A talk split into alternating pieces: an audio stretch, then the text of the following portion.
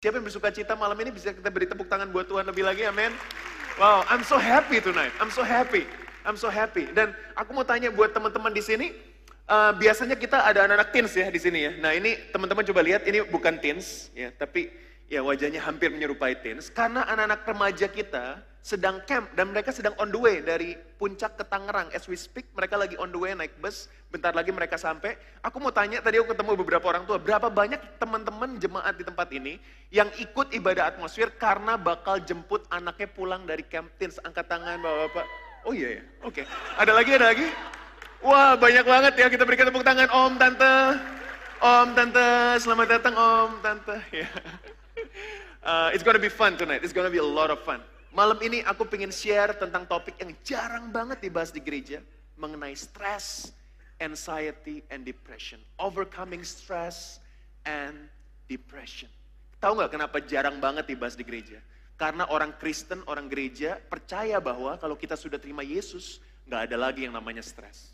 Ya nggak ada lagi namanya depresi. Karena Yesus satu-satunya kemenangan dalam hidup kita. Jadi nggak ada namanya stres. Mau ujian besok pun dan nggak belajar, no stress ya teman-teman. Mau dipecat di PHK, no stress. Tapi kan nggak seperti itu. Ternyata dalam kehidupan walaupun kita sudah ada Yesus dalam hidup kita, bahkan kita dipenuhi roh kudus, kita masih mengalami apa yang namanya stress, anxiety, and depression. Right? Aku berpegang kepada Roma 8 ayat 37 firman Tuhan berkata, tetapi dalam semuanya itu kita lebih daripada orang-orang yang menang oleh dia yang telah mengasihi kita. Teman-teman percaya nggak? Kalau Tuhan sudah menang atas salib, Tuhan sudah menang atas kubur, saya percaya Tuhan kita juga menang atas stress, anxiety, and depression. Percaya nggak? Amin. Dan kalau bersama dengan Tuhan kita bisa overcome. Tapi hari ini aku akan berikan practical steps. Bagaimana kita bisa memerangi namanya stress and depression. Harus hati-hati karena mas yang di sini master psikologi. Ya. Dan banyak psikolog-psikolog di sini, banyak psikiater-psikiater. Ini kalau saya bahas stress and depression langsung, wah keluar semua notes-nya ya teman-teman ya. So hari ini aku ingin share dari biblical perspective about how Jesus dealt with depression. Teman-teman ada yang tahu nggak bahwa Yesus pun pernah battle with what is called a depression. My goodness. Oh, by the way ada statistics. Statistik menunjukkan bahwa 86% orang di dunia ini mengalami stres with wow, listen to this. Young people experiencing a higher level of stress. Saya ketemu dengan uh, anak saya Zayden, bete banget dia pulang dari sekolah terus dia di, di ruang belajar ya kan diem gitu ngerjain kumon kan karena kita percaya bahwa matematika itu penting banget jadi anak saya dari umur 4 tahun ikut kumon puji Tuhan sekarang dia bisa menghitung hal-hal yang kompleks seperti 2 tambah 5 sama dengan 7 saudara ya so itu berkat kumon now saya tanya dia Zayden kamu kenapa kok cemberut terus tahu gak dia bilang apa anak umur 7 tahun waktu itu masih umur 7 tahun dia I'm stressed. Hah? Anak umur 7 biasa stres. Kenapa? Iya, ada PR writing. I have to write. Ada PR reading. And then mommy ask me to do kumon. Gitu. Selalu kalau dia bilang, yang minta dia kumon selalu maminya. Terus saya tanya, Zidane, lebih suka mami apa daddy? Dia bilang, daddy. Kenapa? Kalau mami ada les kumon, ada les coding, ada les piano. Kalau daddy cuma satu. Tahu nggak apa saudara? Yang paling penting, ditulis dalam Alkitab. Kejadian 1 ayat 26 sepak bola.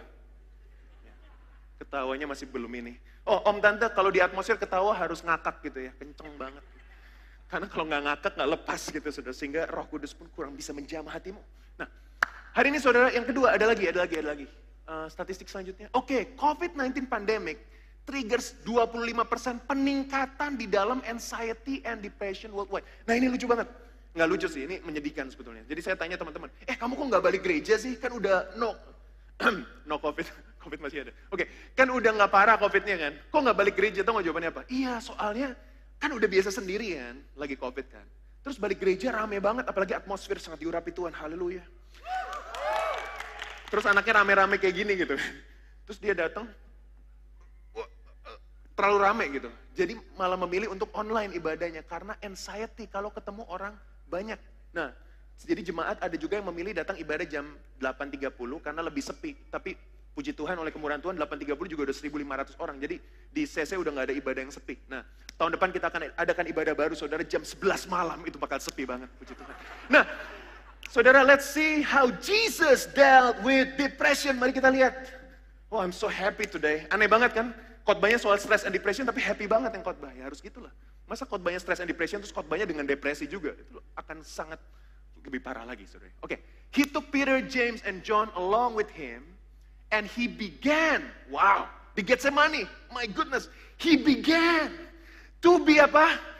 Deeply distressed and troubled. My soul is overwhelmed with sorrow to the point of death.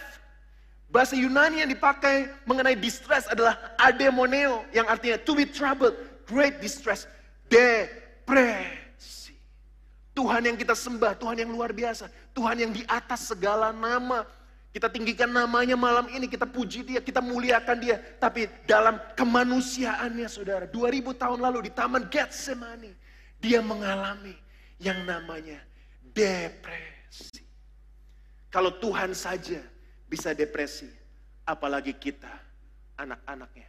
Tapi saya percaya malam ini teman-teman atmosfer, kalau Tuhan pernah mengalami depresi dan dia menang atas depresi, kita anak-anaknya juga akan menang atas depresi. Yang percaya katakan amin. Kita berikan tepuk tangan buat Tuhan kita yang sudah menang atas segalanya. Kata-kata di Lukas 22 ayat 44. Lukas adalah seorang dokter saudara. Dia medical practitioner. Dia travel dengan Paulus karena Paulus juga punya sakit di dalam tubuhnya. Katanya ada duri dalam daging. Beberapa orang bicara mengenai tumor, sakit paru-paru dan lain sebagainya. Lukas menjelaskan kondisi Yesus waktu dia berdoa di Taman Getsemani. Katanya ia sangat ketakutan, agonia. Dan makin bersungguh-sungguh berdoa, peluhnya menjadi seperti titik-titik darah. Saya punya notesnya di sini saudara. Ini adalah satu medical condition di mana ada medical condition ini saudara, medical condition ini adalah kondisi di mana saking stresnya keringat pun berubah menjadi darah. Kadang-kadang saya lihat saudara, kita lagi penyembahan di gereja, ada orang yang menangis, terus keluar merah-merah. Saya pikir, waduh ini adalah agonia. Keringat berubah menjadi darah, ternyata bukan. Ibu-ibu ini make upnya luntur saudara. Waktu aku siapin jokes ini kayaknya lebih lucu dari itu. Ternyata ketawanya juga agak sedikit nanggung. Oh my God. Uh, Abigail tolong bilang notes ya, ini jokesnya nggak jalan yang itu. Okay, right.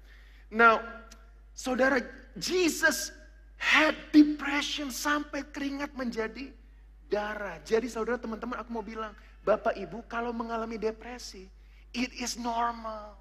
Karena Tuhan kita pun pernah mengalami depresi. Saya tuh pastor, saya pun pernah mengalami depresi dan mengalami stres berat teman-teman. Dan it's okay, karena apa? Karena Tuhan mengerti. Dan Tuhan peduli dan Tuhan mau kita sama-sama menang atas depresi. Amin. Itulah khotbah saya hari ini. Mari kita pulang. No, belum, saudara. Belum.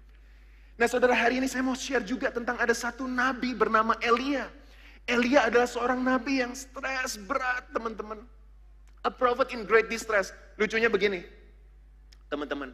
Oh, by the way, buat teman-teman yang mengandung, melahirkan, mau melahirkan, dan lain sebagainya, uh, dulu 20 tahun lalu tidak ada, kita nggak tahu, psikologi, disiplin, nggak ada namanya postpartum depression.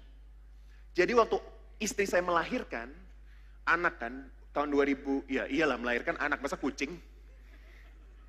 Nah terus 2000, wait, 2014, dia melahirkan anak, kan kemenangan kan. So anak, wah thank you Jesus, karena pernah keguguran juga sebelumnya. Begitu 2014 punya anak, Zayden, kita seneng kan. Tapi ada yang aneh dengan istri saya, dia diem murung gitu. Beberapa kali saya lihat dia di, di, di kamar gitu, dia diem bengong, nggak ngapa-ngapain. Nonton TV tapi matanya menerawang memikirkan saya gitu. Lalu, enggak sih. Lalu saya, ini kenapa? Terus saya kan nggak ngerti namanya postpartum depression. Jadi saya bilang, udah doa aja, doa aja. Baca Alkitab, baca Alkitab. Dengerin lagu Hillsong, Planet Shakers, dan lain sebagainya. Tapi nggak, tanda kutip ya, nggak sembuh-sembuh. Saya nggak ngerti sebagai suami. Tapi dia, setelah dia konseling, setahun kemudian agak telat sih. Wah itu benar-benar hubungan kita agak diserang waktu itu. Karena she was depressed for a year without diagnosis, tanpa konseling, tanpa obat, tanpa psikologi, tanpa psikiater.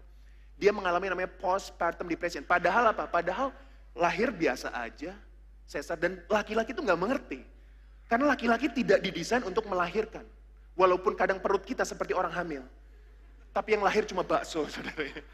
Nah, Kita tuh nggak ngerti, cowok tuh nggak ngerti apa sih postpartum, postpartum, apa nggak ngerti. Karena cowok cuma depresi kalau AC Milan kalah. MU bro. Tapi cewek postpartum depression. Kok gitu tadi ngapain sih gini-gini nggak ada. Hmm, hmm, hmm.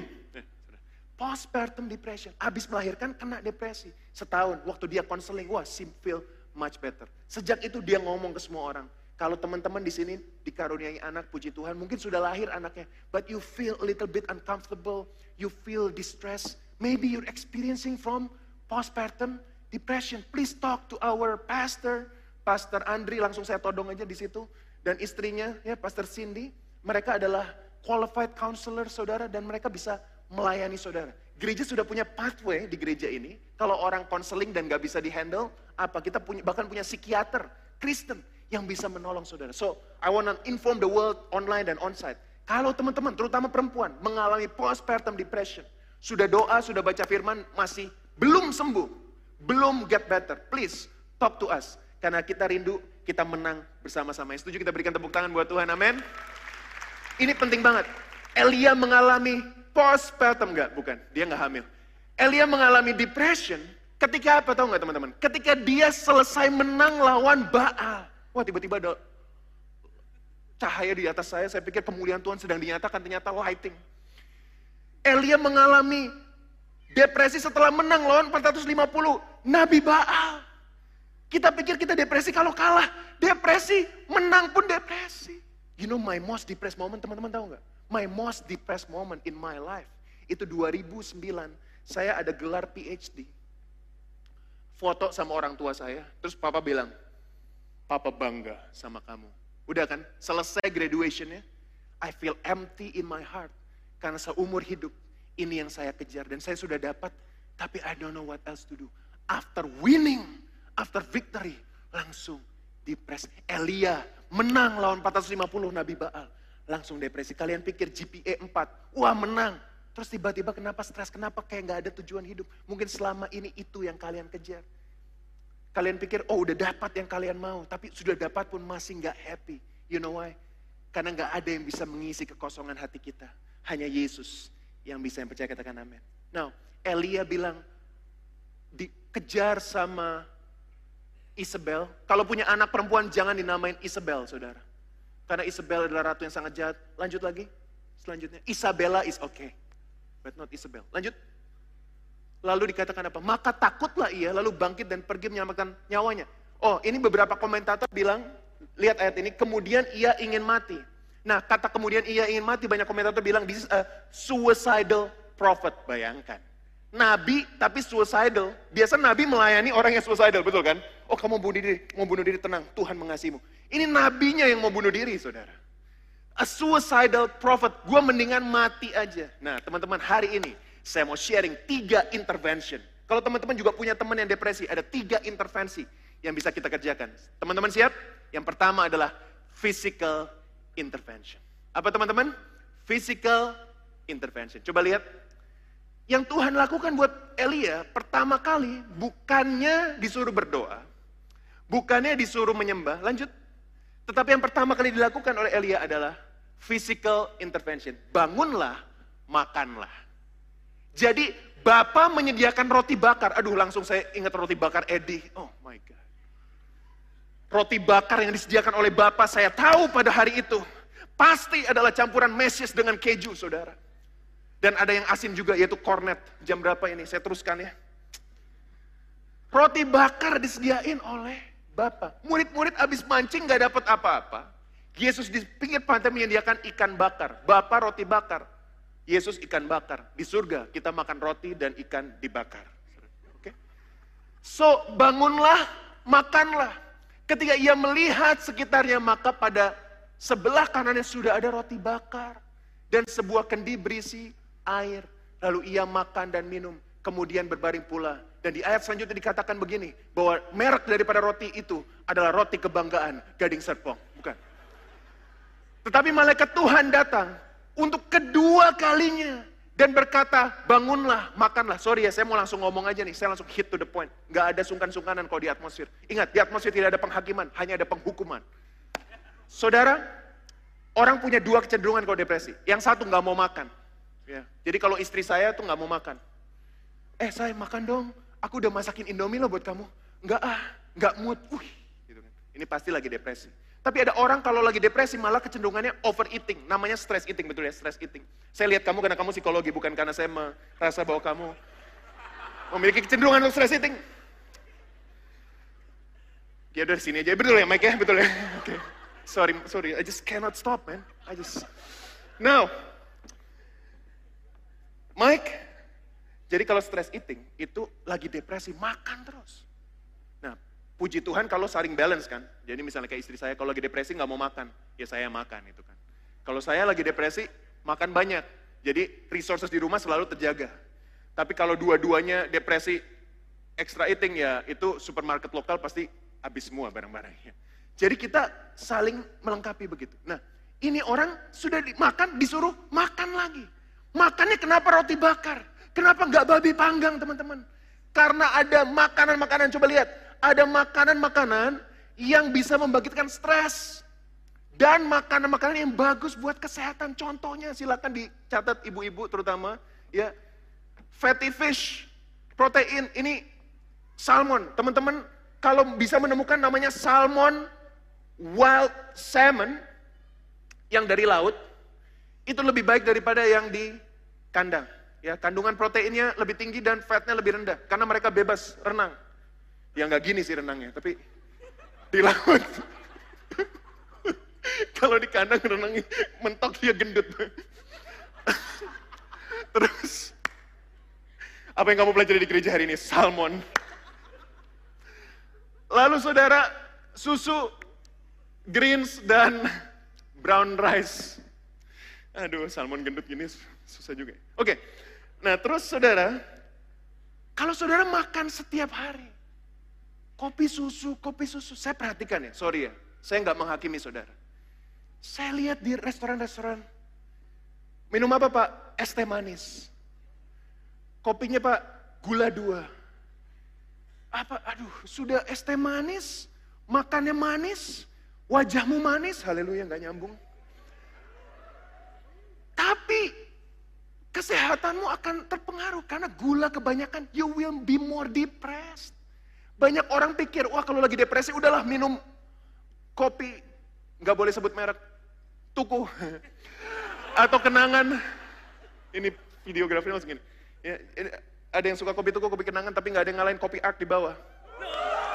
Nah, minum feel better, tapi gulanya membuat kamu lebih stres, lebih depres. Percaya deh.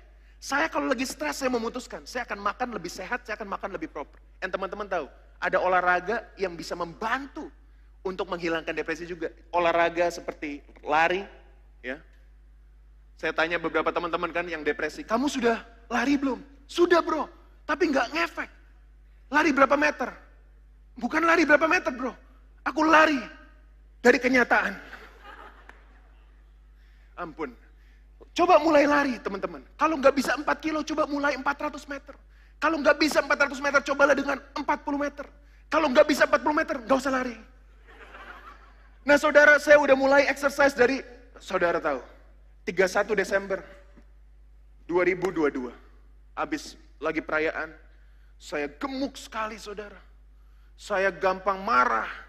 Saya nggak bisa konsentrasi. Kalau lagi mau ngerjain paper, aduh nggak bisa konsen nggak produktif. Baju saya udah, tahu nggak saudara? ini baju ya, baru muat tahun ini loh. Terima kasih istriku yang nggak di sini. Ya. Jadi saya kalau lagi minta support biasa ke sini, dia lagi nggak di sini, lagi packing buat besok. Nah, saudara, ini nggak muat nih. Saya mulai malu, lagi syuting sama teman-teman. Made bilang, mana si Made? Lagi lagi syuting, baju nggak muat. Coba jas ini, terus si Made bilang, kok Kayaknya harus nge-gym lagi. Aduh, malu saya, saudara. Saya gemuk sekali. Saya nggak bisa. Saya langsung satu Januari saya kumpulin keluarga, saya bilang, Hey family, I have something important to tell you. Apa? Tuhan bilang apa? Bukan Tuhan bilang apa. Saya bilang sesuatu apa? Mulai hari ini, saya akan mulai rajin olahraga, makan saya jaga. Target saya satu Januari bro. Target saya AC Milan menang, kalah tapi. Target saya satu Januari, saya akan turun berat badan. Wih, langsung Ampun Tuhan, ampun. Ampun. Ya sorry lah, ini ngomongin makanan dulu Tuhan. Baru habis gini KKR kita. Nah, saya berat tahu nggak saudara? Desember, 98 kilo. Itu dua kilo lagi Tuhan Yesus datang loh saudara. Saya langsung memutuskan, saya mau nge-gym. Saya bilang, saya mau jaga makan. Saya nggak peduli. Yang lain makan risoles waktu di Jakarta, saya makannya kubis. Saya lain lain nasi putih, saya nasi porang. Yang lain apa ikan goreng, saya ikan bakar. Saya jaga makan sudah dalam waktu enam bulan. You know what happened? Ini Tuhan bekerja loh. Saya lost 9 kilo dalam waktu enam bulan. And I feel much happier. Lihat kan wajah saya happy kan? Walaupun di dalam banyak kepahitan. Gak just kidding. Nah, I feel much happier. Baju bisa muat. Tadi baju baptis, teman-teman nggak tahu kenapa Pastor Riza kalau baptis nggak pernah pakai baju baptis. Gak muat. Lu bikin XL, XL ukuran mana? Sorry, udah di dalam hati. Nah, tadi pakai mana baju baptis? Kecil. Coba, eh muat saya pakai baju baptis for the first time. Udah setahun lebih saya nggak pakai baju baptis official gereja. Waduh bangga banget, senang banget teman-teman. Ya. Ampun Tuhan. Nah, gue harus hati-hati ngomong nih. Setiap apa geledek soalnya. Nah, saudara, tahu nggak? Makanan penting banget. It will affect your depression. Exercise juga. Oke, okay? so choose your food wisely and start exercising. Istri saya paling suka boxing. Jadi dia kalau lagi stres, saya bilang, langsung kamu boxing, boxing sana. Gitu kan. Dia boxing. Ah, uh, hmm. Saya kadang-kadang takut ya istri saya boxing. Dia marah, hajar nih suaminya. Dan saya sampai hari ini masih berpikir, waktu istri saya boxing, sansak itu apakah dia pikir itu muka saya ya? Tapi dia setelah boxing feel so happy, relief. Itu sangat bagus. Ya, terutama yang perempuan-perempuan, jangan lampiaskan amarahmu kepada suamimu, lampiaskan kepada boxing. Ampun Tuhan. Oke, lanjut aja deh kalau gitu. Yang kedua aja ngeri gua. Ngomongin boxing, ngomongin salmon, gledek. Yang kedua namanya spiritual intervention. Setelah fisiknya benar, barulah spiritual. Makanya gereja jangan menghakimi. Orang datang, Pak, tolong Pak, saya depresi. Roh depresi dalam nama Yesus, gitu. Yang ada tambah depresi dia. Dan gak mau datang lagi ke gerejamu. Saudara waktu orang depresi, makannya gimana? Sudah exercise belum? Lalu barulah spiritual intervention. Saya selalu tanya kalau, kalau orang stres, saya tanya, Pak, udah olahraga? Pak punya komunitas? Oke. Okay. Lalu baru dia keluar dan berdiri di atas gunung itu di hadapan Tuhan. Abis gini apa? Ada yang balik Getsemani nggak? Spiritual intervention. Ah, Yesus mulai maju sedikit, merebahkan diri ke tanah dan berdoa supaya sekiranya mungkin saat itu lalu daripadanya. Dikatakan apa? Ya Bapa, tidak ada yang mustahil bagimu, ambillah cawan ini daripadaku, tapi jangan apa yang aku kehendaki, melainkan apa yang kau kehendaki. Saudara, tahu nggak? Kalau di dalam hadirat Tuhan, spiritual intervention lagi depresi, jangan bilang, Tuhan aku nggak depresi. Jujur aja sama Tuhan, Tuhan aku so stressful. Tuhan aku lagi penuh kebencian. Tuhan aku lagi penuh dengan kemarahan. Bicaralah sama Tuhan dari dalam hati. Kenapa? Karena hadirat Tuhan adalah tempat yang paling aman untuk kita mencurahkan isi hati kita yang percaya berikan kemuliaan buat Tuhan. Amin. Kata Getsemani terambil dari kata Geth, Semanim. Artinya oil press zaman itu biji zaitun digiling saudara. Di dalam taman itu dulunya. Sehingga digiling bijinya keluarlah minyaknya. Saudara di dalam hadirat Tuhan, hati kita digiling, hati kita diperas sampai keluar yang asli kayak apa. Makanya Daud bilang, selidiki aku, lihat hatiku, apakah ku sungguh mengasihimu. Yesus harus terbuka di mata Tuhan. Jangan saudara kalau berdoa semuanya dihafalkan Bapak kami di surga bersyukur buat hari ini makanan enak semua enak terima kasih Tuhan amin. You don't pour out your heart to the Father. Saudara tahu nggak minggu ini minggu yang sangat stres buat saya. Hari Senin saya happy banget main bola dengan Mas Hadi mana ketua umum. Kita main bola enak banget ya Seninnya. Waduh mencetak gol, assist. Saya sudah happy banget makan enak ngedate sama istri. Selasa saudara, ada masalah. Rabu ada masalah. Kamis ada masalah. Waduh Jumat aku udah enak banget teman-teman. Aku udah capek banget. Terus aku minta pendoa syafaat tadi pagi 825 doain aku di pojok situ. Aku minta aku cuma perlu kekuatan dari Tuhan. Tadi lagi um, lagu apa Emil tadi yang I'm not enough. Uh, liriknya gimana yang kedua uh, refnya? Unless you come, um, will you meet me here again? Aku ngomel loh sama Tuhan. Aku ngomel, aku mencurahkan isi hatiku di hadapan Tuhan. Di sebelah situ aku bilang, Tuhan, waktu aku mau pelayanan, aku nggak nyangka bakal kayak gini. Aku pikir pelayanan tuh penuh dengan sukacita. Ternyata ada masalah juga. Ternyata semakin besar kita melayani Tuhan. Dan semakin besar kepercayaan yang Tuhan berikan. Maka masalah juga semakin banyak. Kalau FC kita, saudara, kita rencana puji Tuhan hari ini saudara. Puji nama Tuhan. Kita dipercayakan oleh Tuhan lebih dari 170 FC di tempat ini. Kita berikan tepuk tangan buat Tuhan ya. Lebih dari 2000 orang tertanam. Target kita 700 FC, 10 ribu jemaat. Istri saya bilang, lu 170 aja udah pusing. Gimana 700? Saya di hadapan Tuhan, saya bilang, Tuhan aku komplain Tuhan. Aku pusing, aku stres. Kan Tuhan dulu nggak bilang kayak gini. Aku curahkan semuanya. Aku bilang, Lord, it's not fair, Lord. I did not expect this. Tapi dalam hadirat Tuhan waktu aku mulai jujur dan mencurahkan isi hatiku, you know what happened? Waduh, Tuhan menjamah hatiku. Tadi aku sampai hampir nggak bisa nyanyi waktu sekarang ku memujimu, Allah yang setia, yang tak pernah meninggalkan perbuatan tanganmu. Kalau lagi nyanyi solo nggak kalah lo sama Mas Bobby suaranya. Kalau lagi solo begitu dia nyanyi baru kalah. Teman-teman tahu waktu lagi nyanyi itu aku sampai nggak bisa nyanyi lagi. Kenapa? Waktu kita mencurahkan isi hati kita di depan Tuhan. Tuhan pun mencurahkan kasihnya. Memenuhi hati kita sampai yang paling dalam. Yang percaya kita berikan tepuk tangan buat Tuhan. Kita yang penuh dengan kasih. Amazing teman-teman. Kadang-kadang ya kita pikir tunggu masalah selesai depresi habis. Depresi sembuh. No, no, no. no.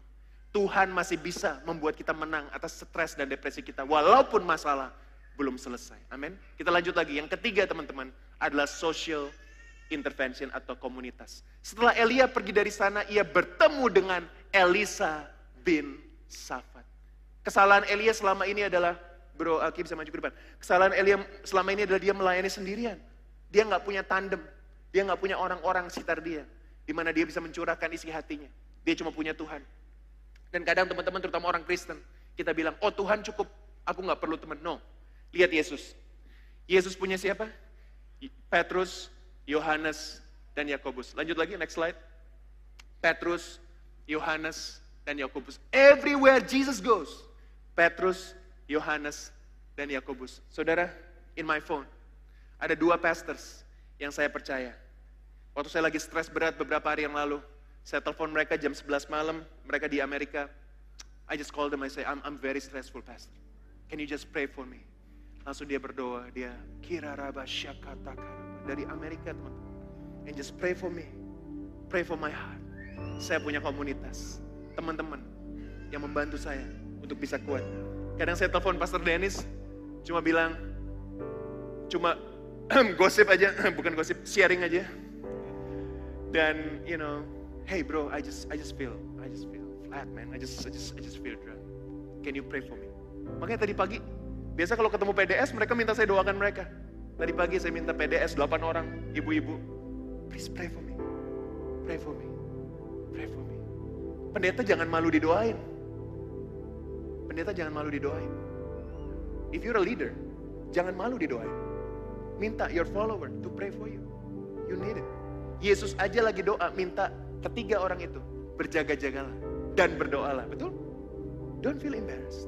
You need to share your burden teman-teman. Dan kita punya komunitas yang luar biasa.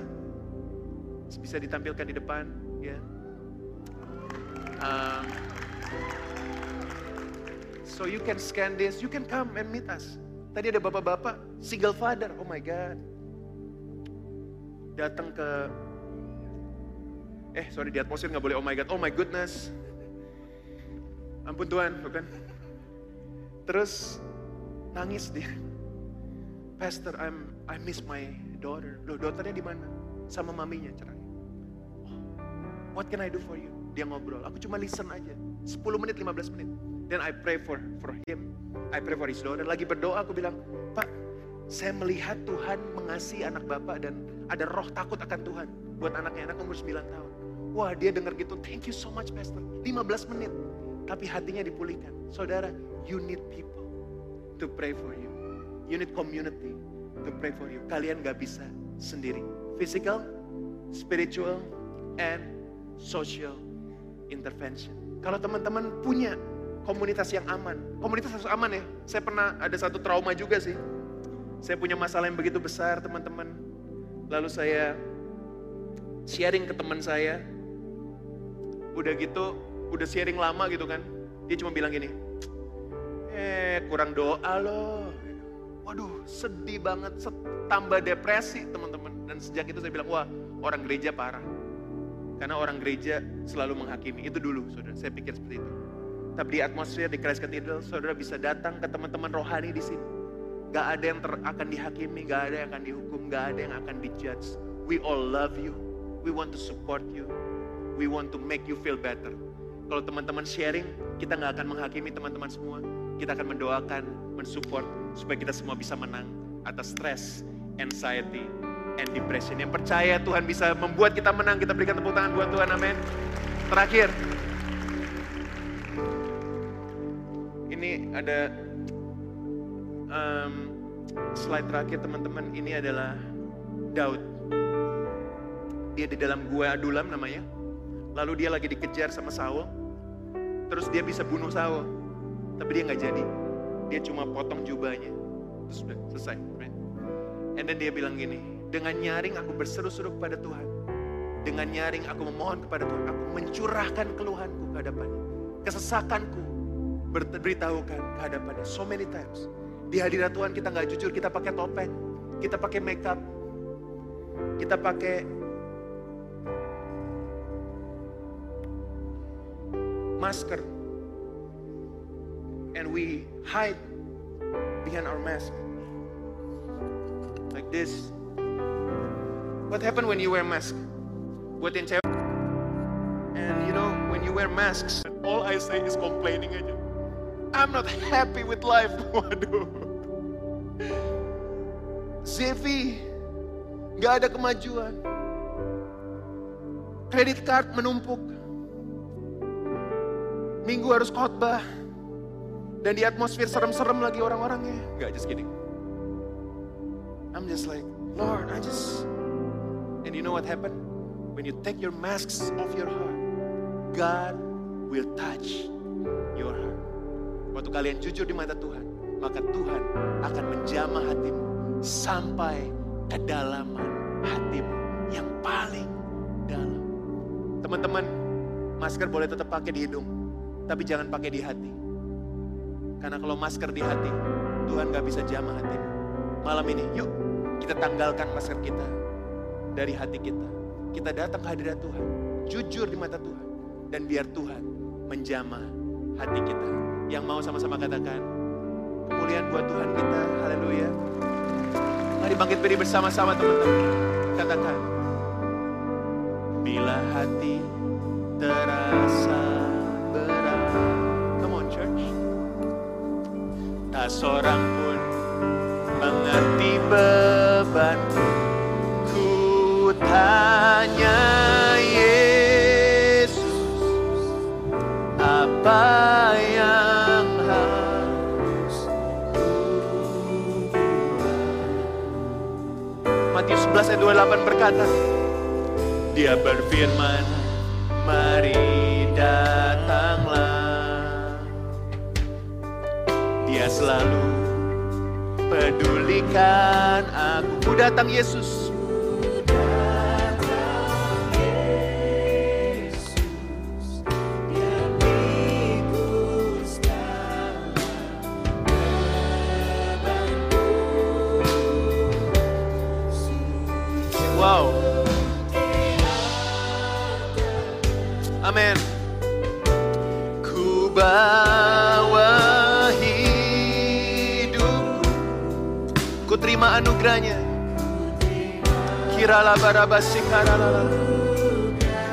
Dia ampuniku dan bebaskanku Tuhan. Mari semua jemaat Tuhan katakan dia ubah hidupku.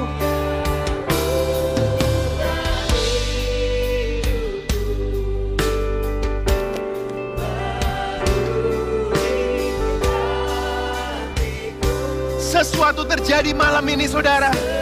Haleluya.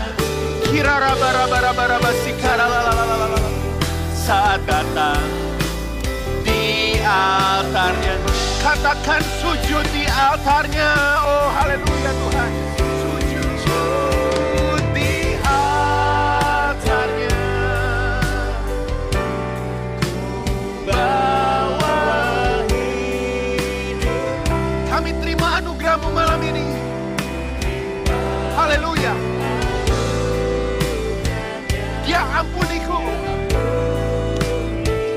Dan bebaskanku. Ayo atmosfer malam ini minta Tuhan. Oh, raba raba raba raba raba raba raba sikara la la la la. Barui hatiku. Haleluya. Kami percaya Tuhan malam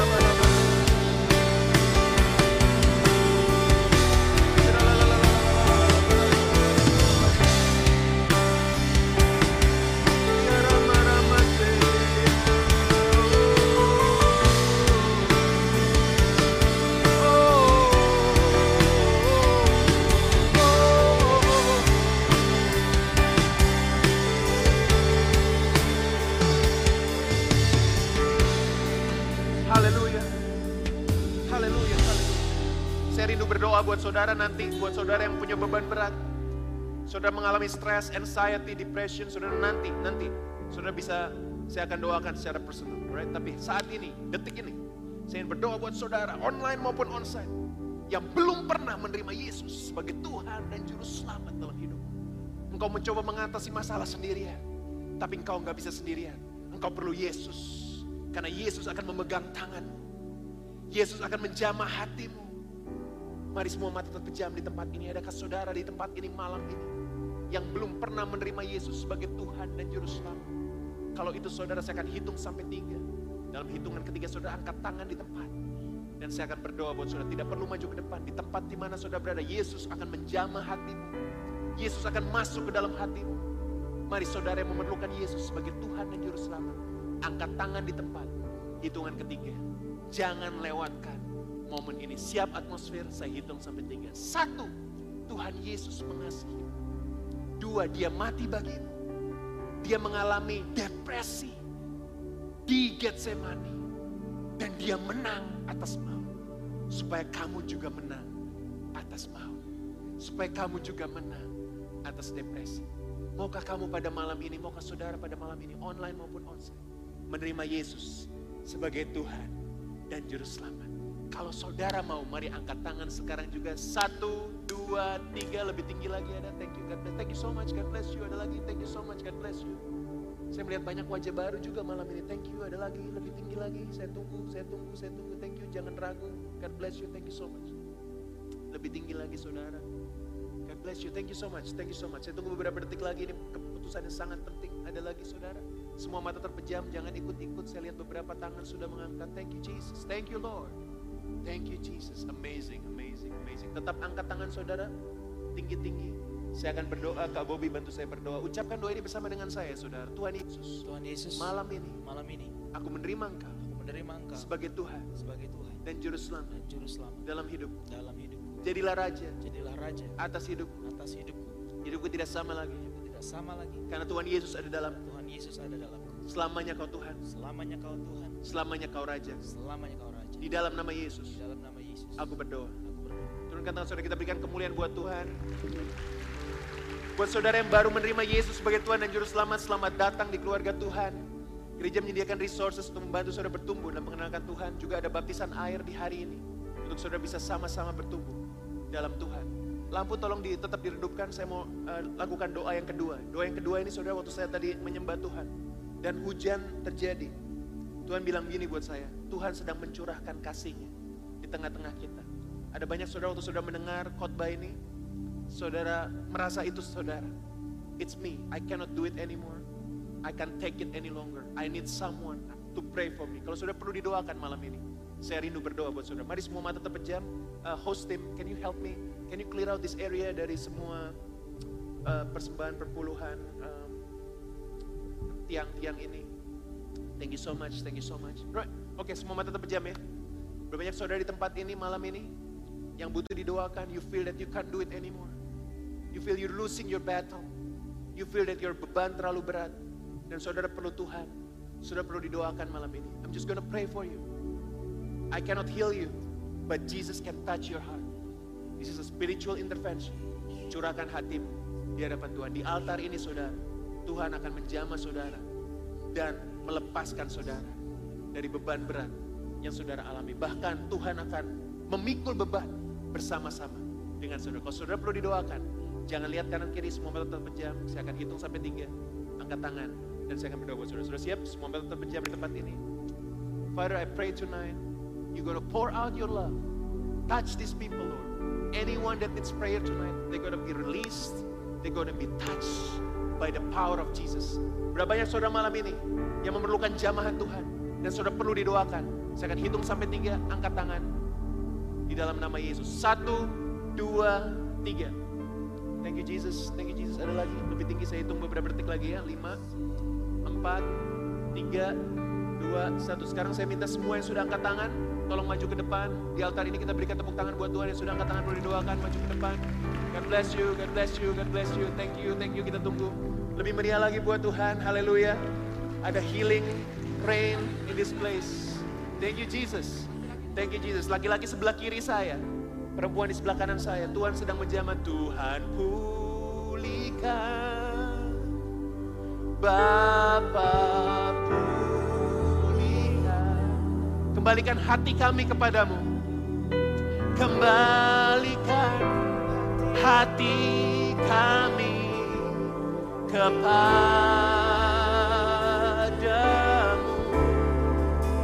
Tuhan ampunilah dosa kami, dosa kami. Dan pulihkan kembali gereja ini. Dan pulihkan kembali gereja ini. Tuhan pulihkan, mari semua sembah dia katakan Tuhan pulihkan. Tuhan pulihkan. Dia sedang memulihkan kita saudara malam ini. Bapa pulih. Katakan kembalikan hati kami kepadamu, hati kami. Katakan. Kembalikan hati kami kepada